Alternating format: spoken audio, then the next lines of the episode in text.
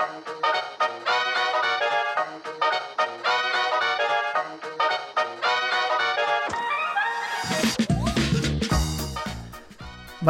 til Kulinarisk ølprat, podkastserien der du kan lære mer om øl og mat. Mitt navn er Junidar, og jeg håper du er klar for å gi ølet mer plass på matbordet, når du i dag skal lære hvordan du kan bruke øl i mat. Og øl i mat er, er ganske så interessant, synes jeg. Jeg er jo uh, utdanna kokk, og der brukte vi mye vin, og det er forholdsvis enkelt. Kok vin lenge, så blir det godt. Eh, mens når det kommer til øl, så er det et par eh, ganske eh, altså elementære og viktige forskjeller i forhold til det her med vin. Og kanskje den aller, aller viktigste av de alle, det er det at eh, ved bruk av varme så vil humlebitterheten intensiveres. Så det betyr at ø, hvis du koker en, selv om en øl som har lite bitterhet, sånn som en hveteøl, så vil den oppleves mye bitrere hvis du varmebehandler den. Eh, hvis du dog varmebehandler øl over lengre tid, så vil de her bitterstoffene eh, brytes ned, og man får ikke så mye bitterhet. Så jeg har valgt å lære det nå. Tre hovedmåter, rett og slett for enkelhetens skyld, hvordan du kan bruke øl i mat. Dette er hovedmåter eh, å gjøre det på. Den ene måten å bruke øl i mat på, det er en eh, kald tilsetning. Det er rett og slett en eh, tilsetning av øl i noe som ikke skal varmebehandles. Og det gjør at eh, den originale smaken i ølen bevares bedre. Den blir ikke forsterka, eh, og det er heller ikke med å endre smaksbildet på den. Du slipper denne intensiveringa av humlebitterhet, og det er en måte å bruke øl i mat på som kombineres veldig godt med andre råvarer. Den andre måten å gjøre det på, er en varm tilsetning. Det som skjer her, er jo det at man varmebehandler ølet, eh, og det vil være med på å konsentrere smaksbildet, konsentrere smakene.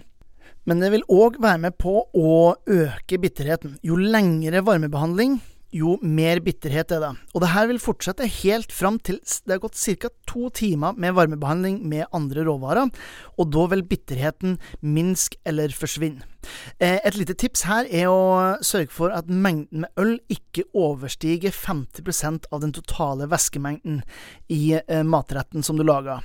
Et annet tips til eh, tilsetning i varm tilstand er jo rett og slett at du tilsetter helt på slutten av kokinga, eller slutten av varmebehandlinga, for å bevare mest mulig av ølsmaken, men uten å ha den risikoen for eh, intensivering og konsentrering av bitterheten.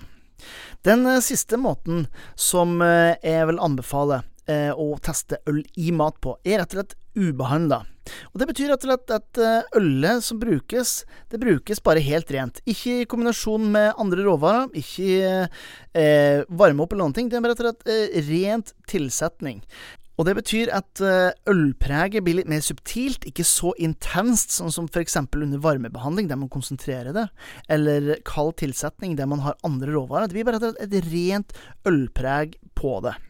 Så straks så skal du få et par tips om hvordan du kan bruke øl i mat, basert på de her tre hovedmåtene.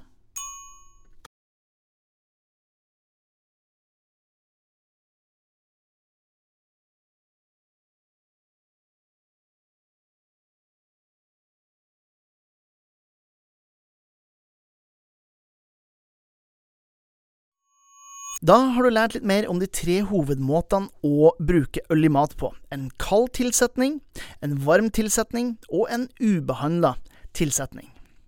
Så hvordan skal du gjøre det her i praksis? Jeg går igjennom én etter én. Hvis du skal bruke en kald tilsetning av øl i mat, så vil det si eh, typisk eh, dressinger, marinader, eh, i slutten av kok på en kald suppe f.eks., eh, osv. Et par konkrete eksempler her. Hvis du lager en skikkelig god og rik eh, gulrotsuppe med ingefær, kjør på med litt eh, kokosmelk, og helt på slutten så kjører du på med en liten tilsetning av eh, hvitt. Den har et sitruspreg som eh, løftes fram, og hvis den tilsettes kald, så vil sitruspreget bli værende. Et annet eksempel marinade til svin. Eh, her kjører du alt sammen kaldt. Kjør litt porter, en nøytral olje og godt med barbecue-krydder, som du da marinerer svinefileten din, eller kanskje svinekammen, ja, eller kanskje bare du tar rett og slett koteletten og legger oppi og lar det marinere seg over natta. En eh, tredje måte å bruke en kald tilsetning av øl i mat, er en eh, sitrusøldressing. Her eh, kan du blande hveteøl, eller neipa, altså juicy ipa, sammen med appelsin og limezest, litt sennep, finhakka løk og olivenolje. Perfekt nå på sommeren, sammen med salater, kylling og den typen ting. Når det kommer til en varm tilsetning, så kan man bruke det i f.eks.